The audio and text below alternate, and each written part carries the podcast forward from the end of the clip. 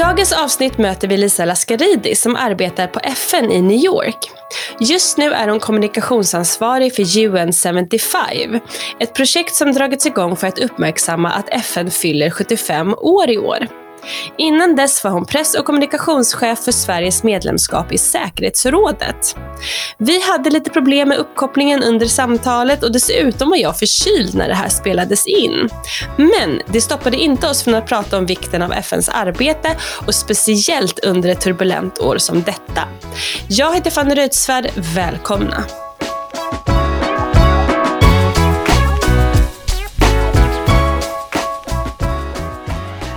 Vi börjar med att hälsa dig välkommen Lisa till Amerikabrevet. Det är jätteroligt att du vill vara med mig idag. Tack snälla, det är jättekul att vara med.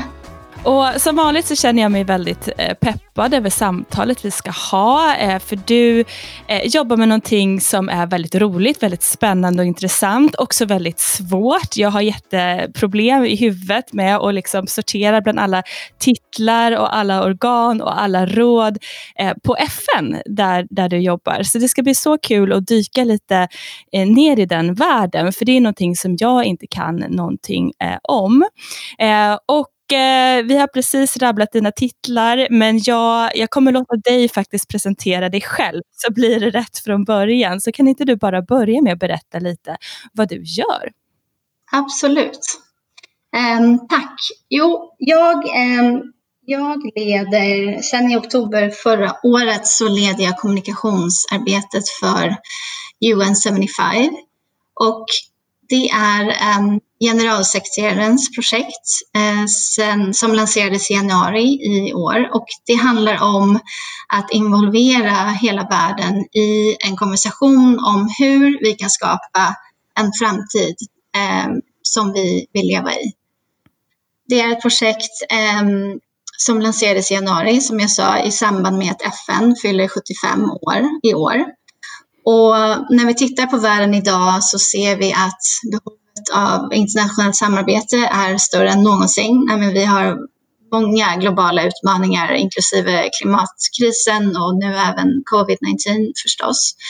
Och vi måste arbeta tillsammans för att kunna bemöta de här utmaningarna. Och genom det här initiativet så ville vi ge alla en möjlighet att vara del av den här konversationen och att få vara med att påverka. Så det handlar om att lyssna till världen, Eh, det handlar om solidaritet och att låta jordens befolkning få um, tycka till om hur vi ska prioritera. Och vi, vill, vi, har jobbat, vi har jobbat hårt det här året för att se till att så många som möjligt i alla delar av världen och i alla delar av samhället, speciellt unga och speciellt de som kanske aldrig haft chansen att göra sin röst hörd, ska ha möjligheten att få vara med och plocka.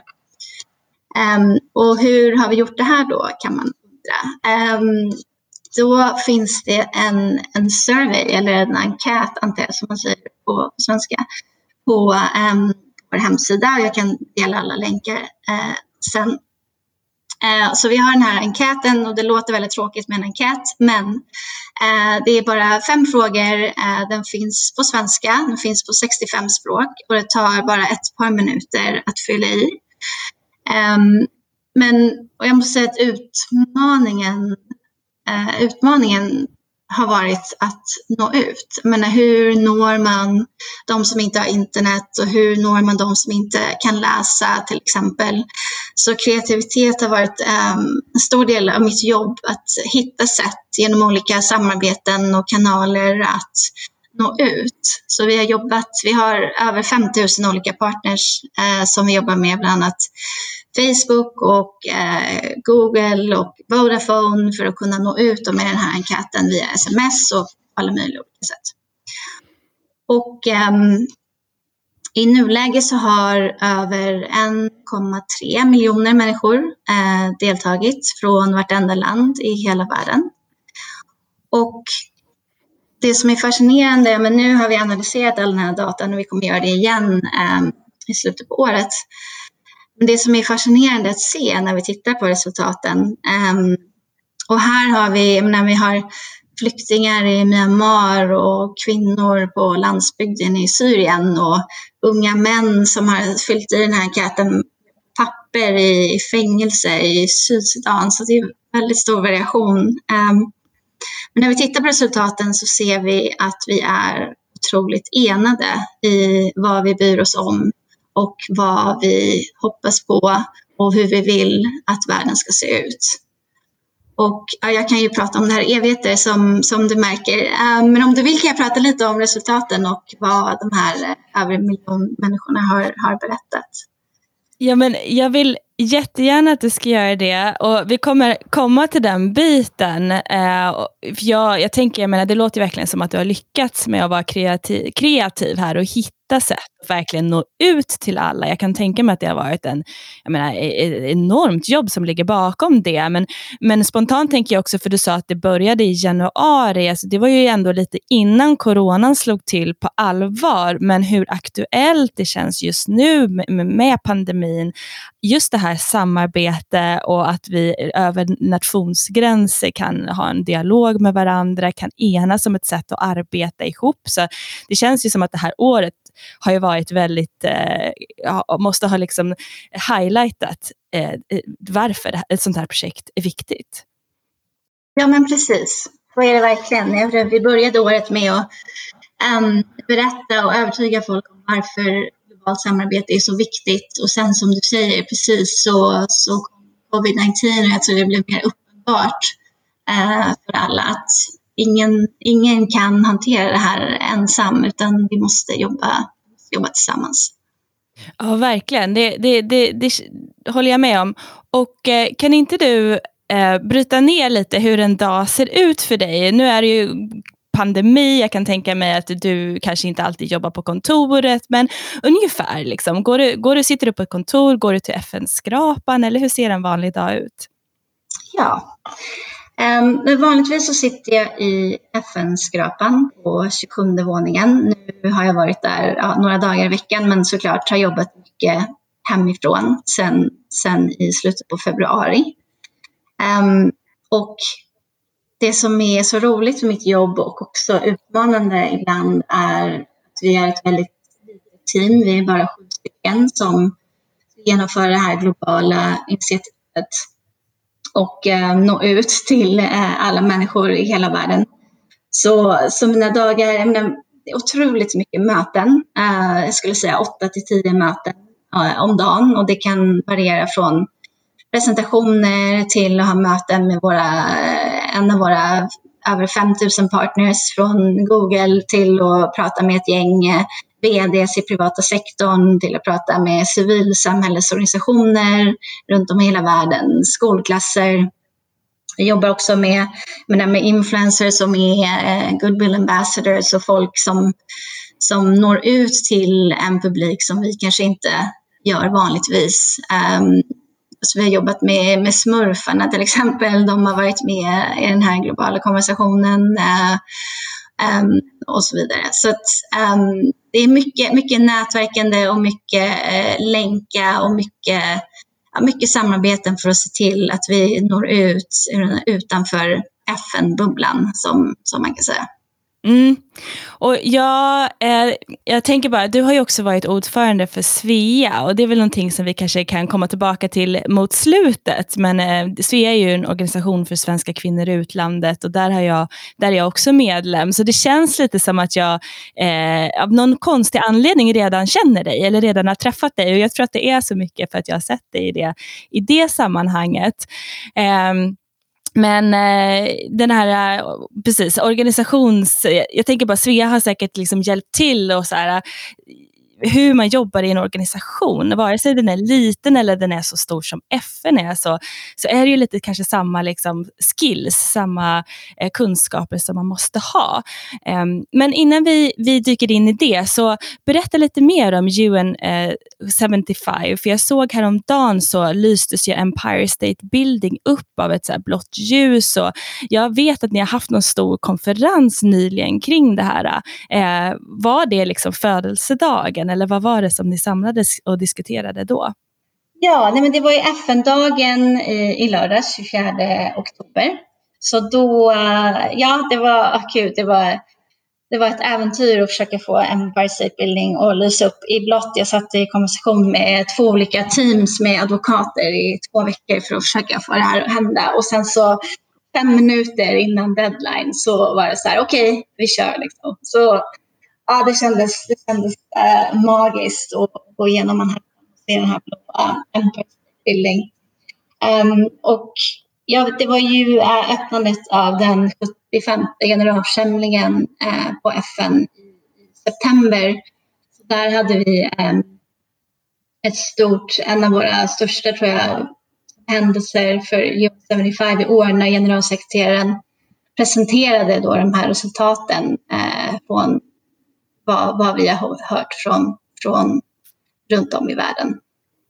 Och vad är den största lärdomen? För automatiskt så tänker jag så här, åh gud, om alla ska tycka till runt hela världen. Jag tänker liksom, vad, vilket ohanterligt projekt. Det är så många röster, alla har ju sina liksom, lokala utmaningar som man tampas med, eh, geografiska skillnader och så vidare. Eh, det måste vara liksom så svårt att få en enad bild av, men de här frågorna är viktiga just nu. Eh, Ehm, kunde man se en röd tråd? Ja, och det, det är faktiskt rätt fascinerande att se. Så när vi tittar på resultaten um, så ser vi att vi är otroligt enade i vad vi bryr oss om och vad vi hoppas på inför framtiden och hur vi vill att världen ska se ut. Um, så vad folk bryr sig om, jag menar majoriteten anser att klimatkrisen är den som kommer att påverka vår framtid mer än någonting annat. Men klimatförändringarna, det är inte något som kommer hända i framtiden. Det händer nu och många är redan påverkade på, på väldigt många sätt. Så över hela världen uttrycks en, en stark oro för miljöförstörelsens påverkan på mänsklighetens framtid på, på längre sikt. Det råder också en stor enighet om behovet av förbättrat grundskydd i form av sjukvård, ehm, vatten, eh, utbildning, tätt följt av en önskan om stärkt global eh, solidaritet och ett starkare fokus på att minska om, eh, ojämlikhet. Och Um, över 87 procent faktiskt tycker att eh, glo globalt samarbete är absolut nödvändigt för att hantera dagens utmaningar och att det är ännu viktigare nu um, efter covid-19. Så jag menar, i, grund, i grund och botten så vill och behöver de allra flesta menar, samma saker och det handlar om grundläggande mänskliga rättigheter och det handlar om lika möjligheter. Mm. Och hur kommer alla de här äh, informationen som ni har samlat in, vad kommer hända med det? Vad kommer det resultera i? Ja, det är en mycket bra fråga. Um, dels så har alla FNs medlemsländer, äh, medlemsländer antagit en, um, en, ska man säga, en deklaration uh, där de har lovat att agera och implementera vad folk har talat om för oss. Ehm, generalsekreteraren ska även, eh, jag tror i början på nästa år, eh, komma med en, vad ska man kalla en, en roadmap eh, med rekommendationer hur vi kan använda den här datan till um, och implementera det i FNs arbete och hur vi ska prioritera i framtiden. Och relaterat, jag vet innan coronan slog till och nu känns det här som en evighet sedan, men då var ju Greta Thunberg en av de mest eh, tongivande personerna i världen. Det kändes som hennes inflytande och inspirationen som hon gav, det var bara oändligt. Det var, hon nådde verkligen fram på ett sätt som jag inte har eh, varit med om att någon annan person har gjort under min eh, livstid. Liksom. På 34 år så har jag aldrig, aldrig, aldrig sett någonting liknande. Och då kan man ju undra, eller blir i alla fall lite nyfiken på liksom, har individen en större potential att, att nå ut till människor och influera människor eller en sån här enorm organisation som, som FN? Um, ehm, vad tror du? Jag tror, jag tror både och. Och jag tror att vi måste vara lite mer, jag menar, tänka lite större och tänka lite mer kreativt. Uh, jag menar, vi, och det har varit utmaningen för oss, som jag sa, att Eh, och nå ut utanför den här FN-bubblan. Jag menar FN kanske pratar med, med, med samma, vet, samma folk som följer FNs arbete och som är intresserade av, av FN.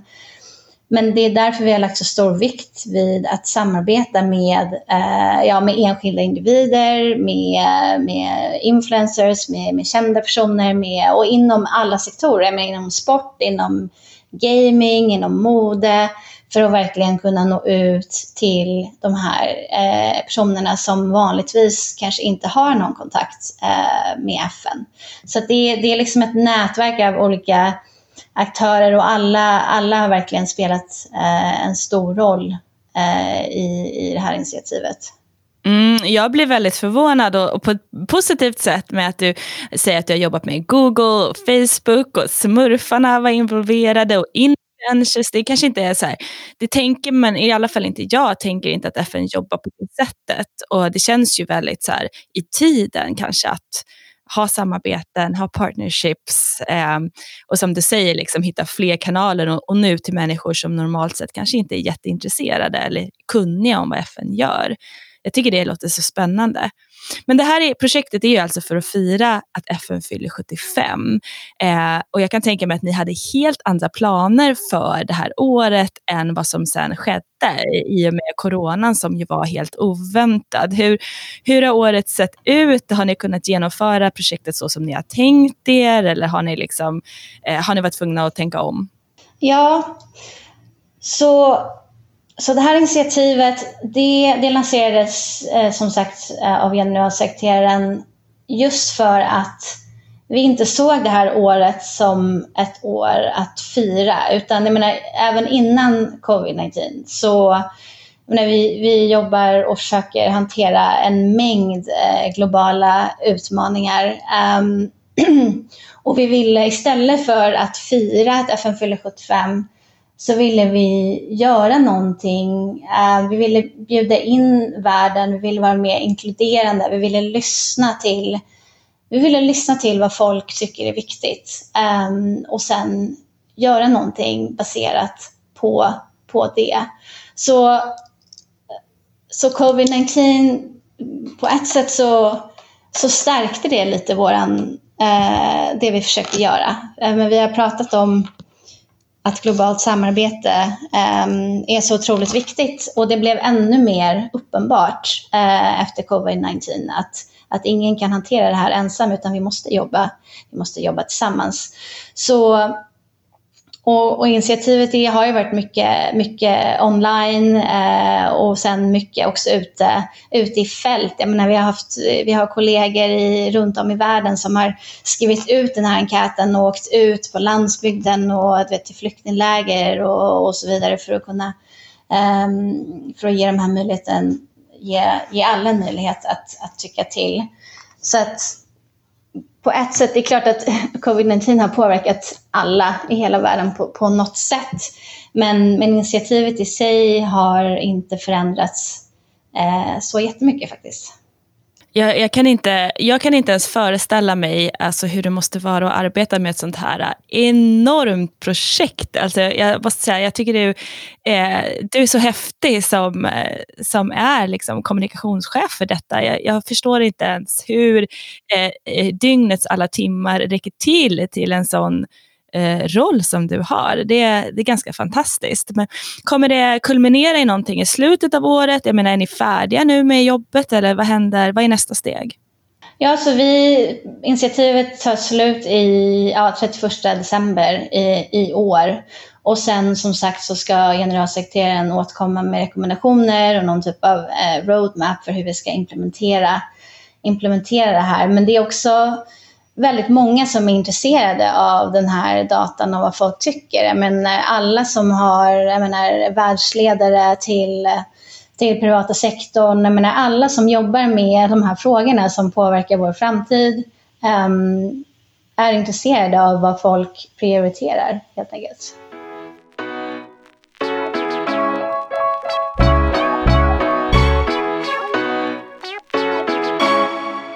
Ehm, jag tänkte jag skulle byta spår lite grann för att eh, jag är så nyfiken på, på lite mer på din bakgrund. För jag vet ju att du har en ganska internationell bakgrund får man säga. För du har en förälder från Grekland och en förälder från Norge. Och du har rest väldigt mycket. Eh, du har bott väldigt länge i Australien och nu får du rätta mig om jag har fel. Men det blir väl nästan ett decennium i New York, eller hur? Du har bott här ganska länge. Ehm, och då tänker jag så här, om man är, är liksom en, en internationell människa som du så så är man intresserad av liksom kommunikation, nya kulturer, annorlunda sätt att leva, andra människor och, och eh, säkert eh, lägger en bra grund för att bli en väldigt bra kommunikatör. Och det är det man måste vara, eh, tänker jag, i, i i många branscher, men speciellt liksom FN som ju ändå är ganska komplext. Det är ganska svårt att förstå eh, för en som inte är insatt. Eh, kanske upplevs också lite tråkigt, jag vet inte, lite byråkratiskt eh, och sådär. Vad, vilka, vilka kunskaper eller vilka skills vill jag säga på engelska är, är viktigast i ditt jobb? Ja, um och det, jag menar, det som är så roligt med kommunikation är att den också är så formbar. Jag, menar, jag, jag tycker att kommunikation måste vara genomtänkt och ha hjärna, men, men även hjärta och, jag, och även helst karaktär och gärna lite humor. Um, det ska liksom vara en röst som såklart är informativ men också, men den kan inte vara platt. Uh, man måste vara strategisk men inte fyrkantig. Man måste vara konsistent men inte långrandig. Så det, det är lite det jag strävar efter. Um, och det handlar inte bara om, jag menar kommunikation är så mycket. Det handlar inte bara om att informera utan det handlar mer om, tycker jag, att engagera.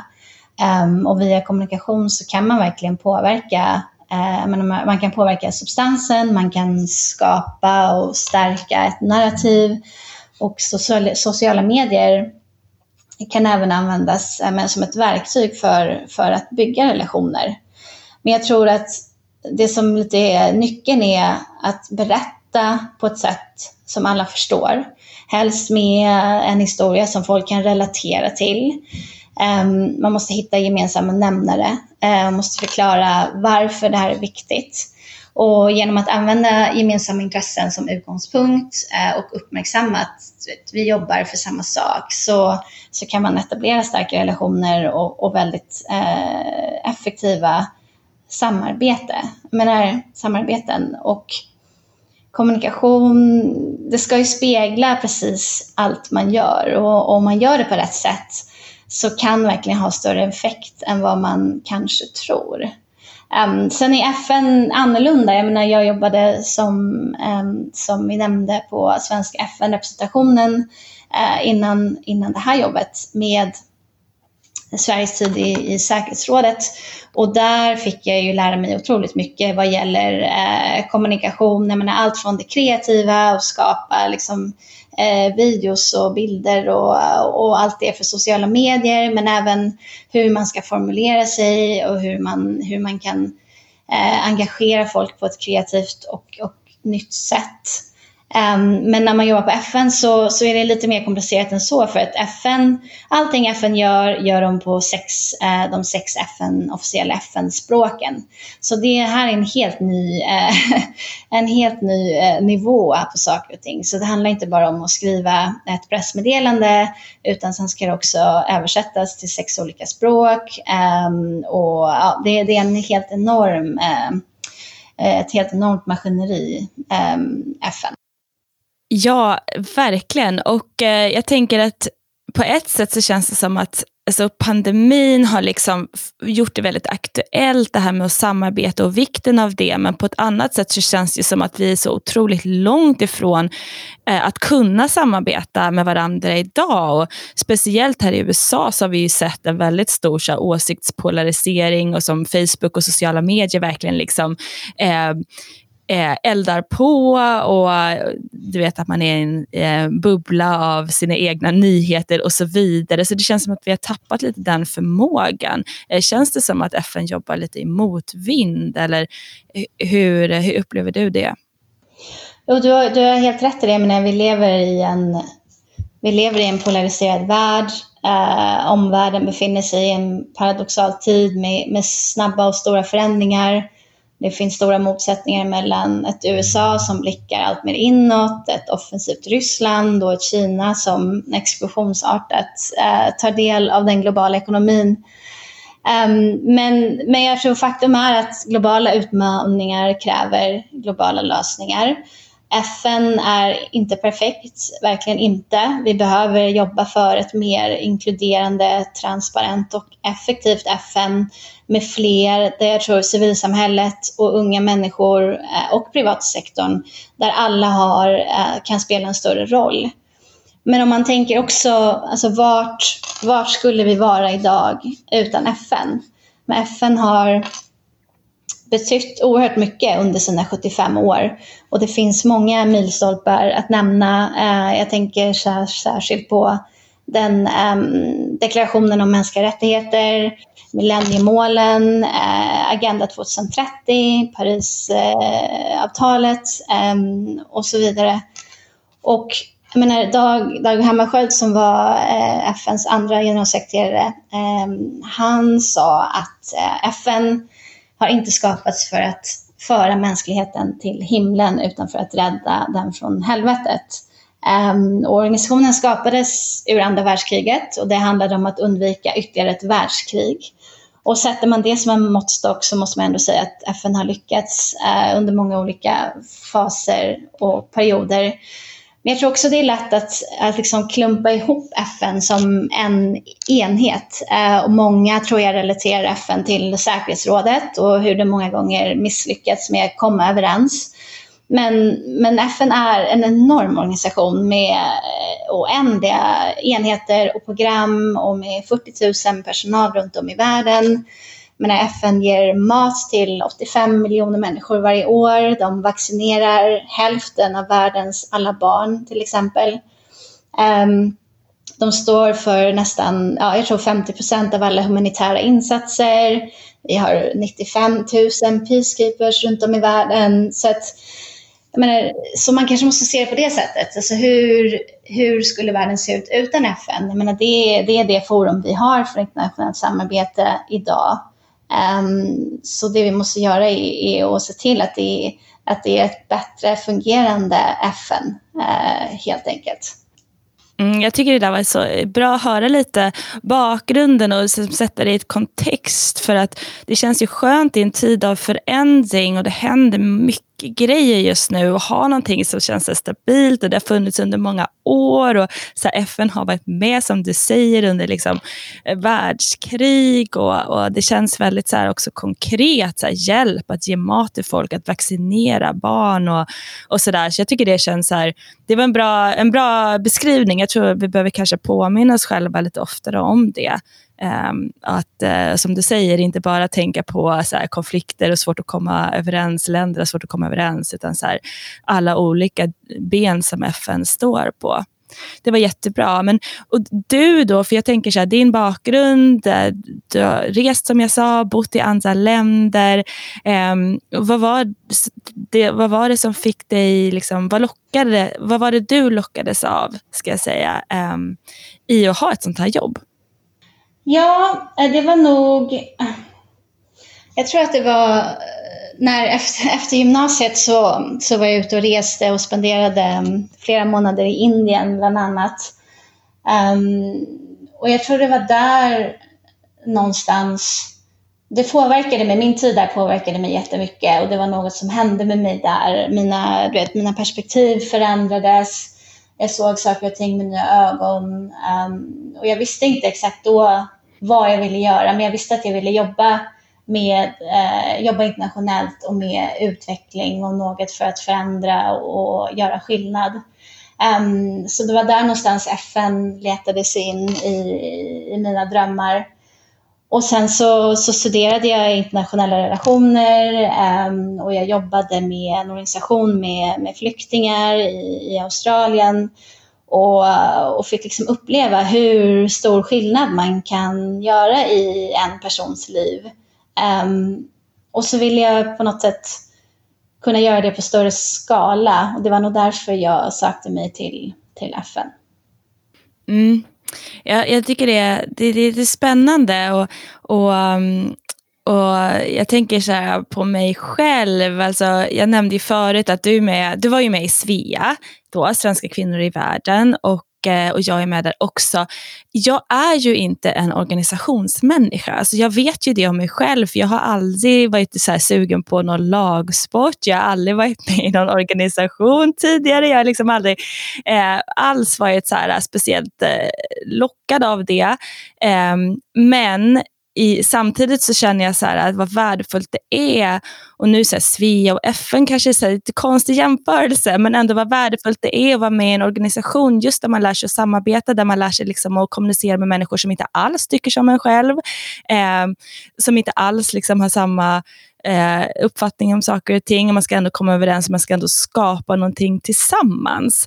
Eh, och jag tänker att du är kanske en organisationsmänniska, eller du måste ju vara det, eller hur? Vad, vad har liksom organisationslivet betytt för dig? Och då tänker jag både så här, när du var liten, liksom, för jag tror att det här är någonting som man ändå lär sig när man är liten, typ spela fotboll eller någonting, eh, till liksom den du är idag.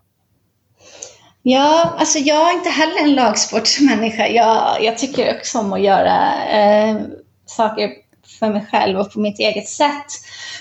Men samtidigt så är det ju någonting speciellt med att vara del av någonting och ingå i någonting där man har ett gemensamt mål och också kanske inse hur mycket mer man kan göra um, tillsammans. Jag menar, och Svea, Svea är en fantastisk organisation. Uh, jag var ordförande i fyra och ett halvt år och, och det gav mig så otroligt mycket. Jag menar, visst, det är en organisation, men det var också så jag har träffat många av mina närmsta vänner här i, i New York. Jag har träffat ehm, um, genom Svea. Det är liksom ett nätverk. Det, det blir också som en familj. Um, jag har alltid velat ha en syster och du vet, med Svea så helt plötsligt så hade jag över 200 uh, eh, systrar. Så det är också någonting med, och jag vet inte om det kanske blir viktigare eller känns viktigare när man bor långt hemifrån. Att man, man känner att man vill eh, har den där gemenskapen, att man hör till någonting. Ja, så, ja, om jag pratar för så här, egen erfarenhet så absolut. Jag tycker att så här, de första åren på en ny plats i ett nytt land så är det jätteviktigt. Att man, man känner ju eh, bara en automatisk så här, eh, längtan efter allting som är svenskt. Eh, nu har det klingat av lite grann, men ändå. Eh, man får, liksom, man får perspektiv och, och, och kan liksom reflektera lite över sin så här, det här känslan av på engelska belonging, liksom, var man hör hemma, var man känner sig som mest eh, komfortabel. Så jag tror verkligen att det finns någonting i det du säger där. Så här, eh, nätverket som en styrka. Ja men precis. Och sen är det ju någonting med FN. Jag menar du, som du säkert kan lista ut, jag, jag är en stor fan av FN. Jag, jag, eh, jag älskar verkligen att jobba på FN och det är någonting med att man liksom har hela världen samlad på, på en plats. Man går in i FN och det är liksom folk från hela världen och det är, man bara hör så många olika språk och folk har olika nationaldräkter. Och, um, ja, men det är verkligen det är en, speciell, uh, en speciell plats. Jag har varit på vippen så många gånger på att ta en sån tur på FN men aldrig gjort det och sen kom coronan. Men så fort eh, den blåser över så ska jag försöka få till en sån där guidad tur så man får gå in i, i huset och titta för att eh, det är en så stor del av New York också. Alltså den liksom, byggnaden och allt runt omkring. Så det skulle vara kul att lära sig lite mer om det känner jag.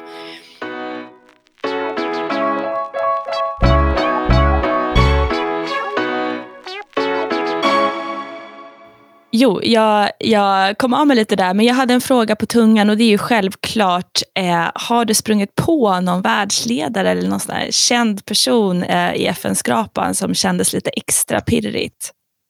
Ja, nej men det har jag, det har jag absolut. Det är också en annan sak som är fascinerande med FN, att vem, du vet, man vet aldrig vem man ska springa in i. Man kan stå i en hiss bredvid någon och så får man reda på när man kliver ut att det är president för något eh, land och ja men du vet. Um, det, ja, det, det, är spännande. Men jag, jag måste nog säga, alltså det är så många, men jag måste nog säga att eh, första gången jag var eh, i samma rum som Obama till exempel, eh, det, var, det var väldigt speciellt det är också någonting med, du vet, man läser nyheterna på morgonen och så går man till jobbet och så springer man in i någon som man precis eh, har läst en artikel om. Eh, men det är någonting med det. Men jag har också suttit i samma möte som eh, president Trump och Putin och Castro och ja, en, hel, en hel rad med, med världsledare. Och det, jag menar, det är klart att det är någonting, någonting med det. Men också, jag också hade turen att träffa Nadia Murad som fick eh, Nobel eh, för, för några år sedan och eh, Amal Clooney och George Clooney, vi var på samma middag. Uh, och jag menar Amal, jag vet inte om du känner till Amal Clooney väldigt mycket? Jo, jag vet att hon lite, hon har väl en bakgrund, hon är väl advokat? Ja men precis. Hon, gör, alltså, hon är helt fantastisk, hon är helt fantastisk. Hon gör helt otroligt uh, arbete. Eh, så det var verkligen någonting som inspirerade mig eh, att få träffa henne och eh, Nadia Murad. Vad roligt. Jag, jag älskar eh, The Obamas, eh, absolut. Och, och eh, eh, Har man inte lyssnat på Michelles podcast så måste man göra det. Hon är helt eh, fantastisk. Och eh, Amal Clooney, vad roligt. Så lite oväntat. Men eh, jag, jag, känner till henne lite grann, kanske mest från skvallerpressen. Men hon är så otroligt vacker och jag vet ju att hon är väldigt begåvad och väldigt så här, duktig på det hon gör. Så det, det är jätte, jättekul. Ja, nej men det var kul. Och i med sammanhanget, hon var lite huvudpersonen på den här middagen, så George, eh, han bara satt där bredvid och, eh, och det måste man ju ändå älska, älskar man inte det? jo, att verkligen. han får hålla sig i bakgrunden, äntligen. Ja, och han var bara så stolt. Han bara satt där, bara lös liksom, om honom. Han var så stolt över henne. Ja, det var, ja, det är kul. Kan inte du prata lite också om, och det här, jag vet inte riktigt om det stämmer, men jag har fått en bild av dig som ganska sportig. Och jag tror att det är för att jag har stalkat dig lite på Instagram, eh, där jag har sett att du gör eh, diverse så här, väldigt eh, modiga sporter. Och sen så tror jag jag läste någonstans att du har utbildat dig till, är det helikopterpilot? ja, ja, det stämmer.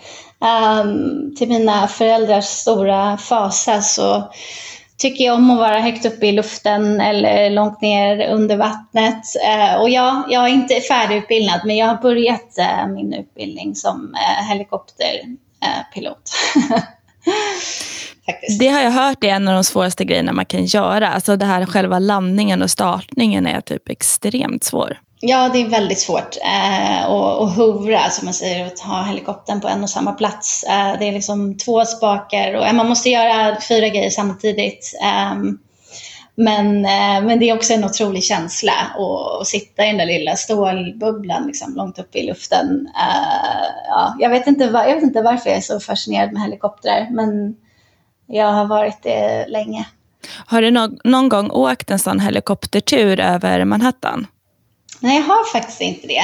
Jag gav en till mina föräldrar i födelsedagspresent för många år sedan, men jag har inte gjort det själv när man ser de där små, det ser ut som små myggor typ. Om man tittar, liksom, för jag bor i Brooklyn och man är här ute på, på, vid vattnet här så har man ju skylinen framför sig och man ser ju landningsbanan där de lyfter och landar. Och de ser ut, liksom, när man har skylinen i bakgrunden, som små, ja, men små insekter som, som surrar upp så här, pytte, pyttesmå. Det är så konstigt, eh, perspektivet blir så konstigt liksom, när man vet hur stora de är i verkligheten.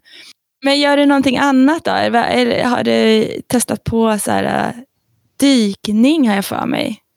Ja, nej men det stämmer. Jag dyker, äh, jag älskar att dyka. Jag tror jag har spenderat ähm, flera hundra timmar under, under vattenytan vid, vid det här laget. Um, och om du vill att jag ska berätta någon historia om det så är det nog, jag menar det är ett dyk som jag tror speciellt eh, sticker ut som jag aldrig kommer att glömma och det var ett eh, nattdyk som jag gjorde i, i Belize. Och eh, inte så många som vet det om mig, men jag är mörkrädd. Jag är eh, ganska mörkrädd av mig. Så jag hade nog inte sökt mig till kanske att simma runt 40 meter under vattnet eh, mitt i natten. Men Eh, vår instruktör frågade om vi ville följa med ut på natten och dyka och jag eh, har en regel att eh, inte tacka nej till någonting bara för att jag är rädd. Så ja visst sa jag och där satt jag på en båt eh, guppande ute i, i Karibiska havet och väntade på att solen skulle gå ner och du vet, du vet när hjärtat bara slår liksom som tusan.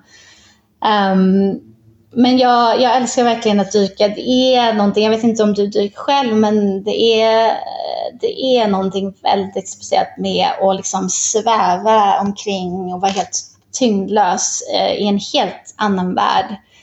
Um, så ja, men det där dyket, så jag, jag, jag, tittade ner i havet och det var helt, liksom, det var helt kolsvart. Och jag har också väldigt stor respekt för havet.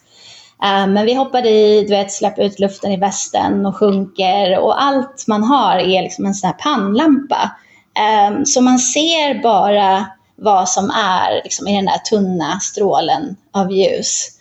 Ehm, och sen är det bara svart. Ehm, och givetvis så såg jag en hajfena. Jag menar, det var typ det första som hände. Det kom en haj. Och jag såg i en sekund som bara Gud vad hemskt. Jag skulle vara så rädd, usch. Ja, men jag var det. Och sen vet jag inte var den tog vägen. Alltså den där hajen kunde ha varit liksom bredvid mitt ansikte och jag, jag skulle inte se den. Jag vet inte var den tog vägen. Um, så jag kommer bara ihåg att jag fick verkligen, verkligen anstränga mig för att uh, vet, fokusera på min andning och inte liksom, få panik. För att om det är en sak som man inte kan göra när man dyker är att bara simma upp till ytan. Eh, när man är så djupt ner då kan lungorna eh, spricka. Men eh, ja, alltså det var, det var någonting eh, väldigt speciellt. Jag vet inte om jag skulle göra om det. En extrem övning i så självkontroll. Och jag, alltså jag har en enorm respekt för vatten. Alltså jag tycker inte om att vara på båtar, hatar att vara på så stora fartyg och skulle typ så här Alltså jag skulle aldrig vilja dyka. Alltså jag skulle ju vilja dyka. Jag, jag förstår ju att det måste vara magiskt, men jag, jag tycker att det är jätteobehagligt att vara under vatten. Men jag älskar din regel där att så här, inte säga nej till någonting för att man är rädd. Och Det känns som någonting som jag borde applicera på, på just det här kanske. Ja, alltså det är ju, får de där, du vet, när man får de där frågorna och man är bara så här nej. Um, så, så här, nej men jag måste göra det. Men det känns ju alltid bra. Alltså det känns ju alltid bra efteråt. För när man gör någonting som man är orolig över eller har varit rädd för så, så växer man ju lite som person uh, varje gång. Och det är väl lite det jag försökte, försöker åstadkomma. Ja, den berömda så här, endorfinkicken som man får när man har gjort någonting som man egentligen är lite rädd för. Det är, det är en fantastisk känsla sista grejen det är att jag brukar alltid fråga om några tips till New York. Um, och jag är jättenyfiken på dina tips. Vad tycker du att man inte får missa om man kommer hit som besökare? Ja, ja det är en svår fråga som jag har tänkt på här. Uh, var ska man ens börja? Men jag har försökt att um, ehm, uh, eh, fokusera på tre, uh, på tre saker. en av mina favoriter är att cykla genom Times Square. Och Times Square kan ju vara väldigt turistigt och kanske många skulle säga att gå inte till Times Square när du är i New York. Um, men, men jag håller inte med där. Alltså vanligtvis är ju Times Square helt proppat eh, med folk. vet, man kan knappt röra sig. Eh, men det finns en cykelbana som går genom hela Times Square som man knappt ser om man inte letar efter den. Eh, och det är något, ehm, jag vet inte, det är något magiskt och det känns väldigt New York att liksom cykla genom Times Square och bara sväva igenom alla, alla människor och allt jippo som händer där och mellan alla neonskyltar och stora byggnader. Och det är liksom som en show um, på något sätt. Um, det är en speciell känsla. Så det är någonting um, jag skulle rekommendera. Kanske inte något som man skulle tänka på. Um, sen Eh, ett favoritställe eh, som jag har heter Hudson Bar and Books som ligger i West Village. Och det känns lite som ett bibliotek och personligen är jag väldigt förtjust i bibliotek och böcker i allmänhet. Ehm, men på den här baren så mm, kan man även dricka whisky, eh, något som jag också är förtjust i, och man kan röka cigarr.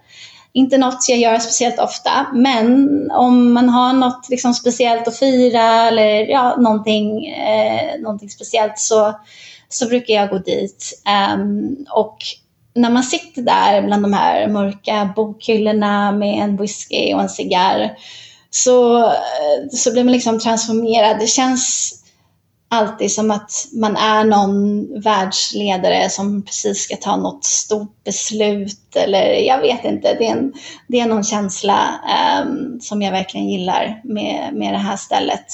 Um, så det, det kan jag verkligen rekommendera. Det låter härligt. Jag har aldrig hört talas om det faktiskt. Och det är det jag älskar med den här, så här frågestunden, att man får alltid tips som man inte, inte visste fanns. Det låter underbart det här stället. Jag måste gå dit. Ja, absolut. Ehm, det kan jag verkligen rekommendera. Och sen skulle jag säga, jag menar jag, jag älskar såklart New York för att du vet, allting finns på den här lilla ytan och så otroligt mycket finns. Eh, vad man än letar efter så kan man hitta det på Manhattan. Men ibland behöver man bara komma ut ur stan, eh, ut ur allt oljud och allt som händer för att hämta andan. Eh, I alla fall jag. Ibland bara känner jag behovet av att, av, att, av att komma härifrån och hämta andan någon annanstans. Så något jag älskar att göra är att ta tåget från Penn Station eh, klockan fem på morgonen till Long Beach och så har man köper med sig någon god kaffe, någon god macka så man kan eh, du vet, äta frukost på tåget. Och sen när man kommer fram till Long Beach så um, finns det ett jättebra surf, en surfskola som heter Scoodin Surf Um, inte speciellt dyrt, jag kommer inte ihåg nu exakt, men 20-40 dollar eller någonting sånt. Um, så kan man ta en surflektion på några timmar och, um, och det är precis när solen har gått upp, du vet, det har en så här morgondiset i luften. Uh, och det är inte speciellt höga vågor, uh, för att jag är verkligen ingen surfexpert, men precis lagom. och det finns alltid tid också att bara ligga på brädan och, och guppa ute i havet. Um, så det är någonting som alltid gör mig glad i själen. Det låter så härligt och längtar man inte efter sommaren? Alltså, jag har precis klivit in i liksom hösten och vintern men jag kan redan känna så här, gud vad härligt, det här låter ju helt magiskt. Mm. Ja, nej men det är det. Du får följa med nästa sommar.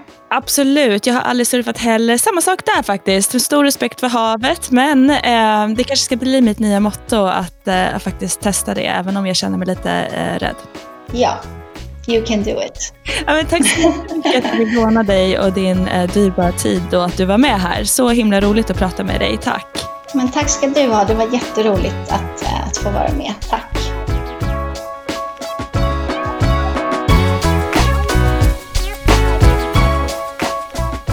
I dagens avsnitt har vi hört Lisa Laskaridis berätta om sitt arbete på FN och vilka frågor som världen bryr sig om 2020. Projektet UN 75 som Lisa är kommunikationsansvarig för pågår än och om du vill göra din röst hörd så går du till un75.online. Glöm inte att följa oss i sociala medier, där heter podden Amerikabrevet och ge oss gärna ett betyg i den app där du lyssnar så att fler hittar fram till oss. Tack för mig och vi ses nästa torsdag.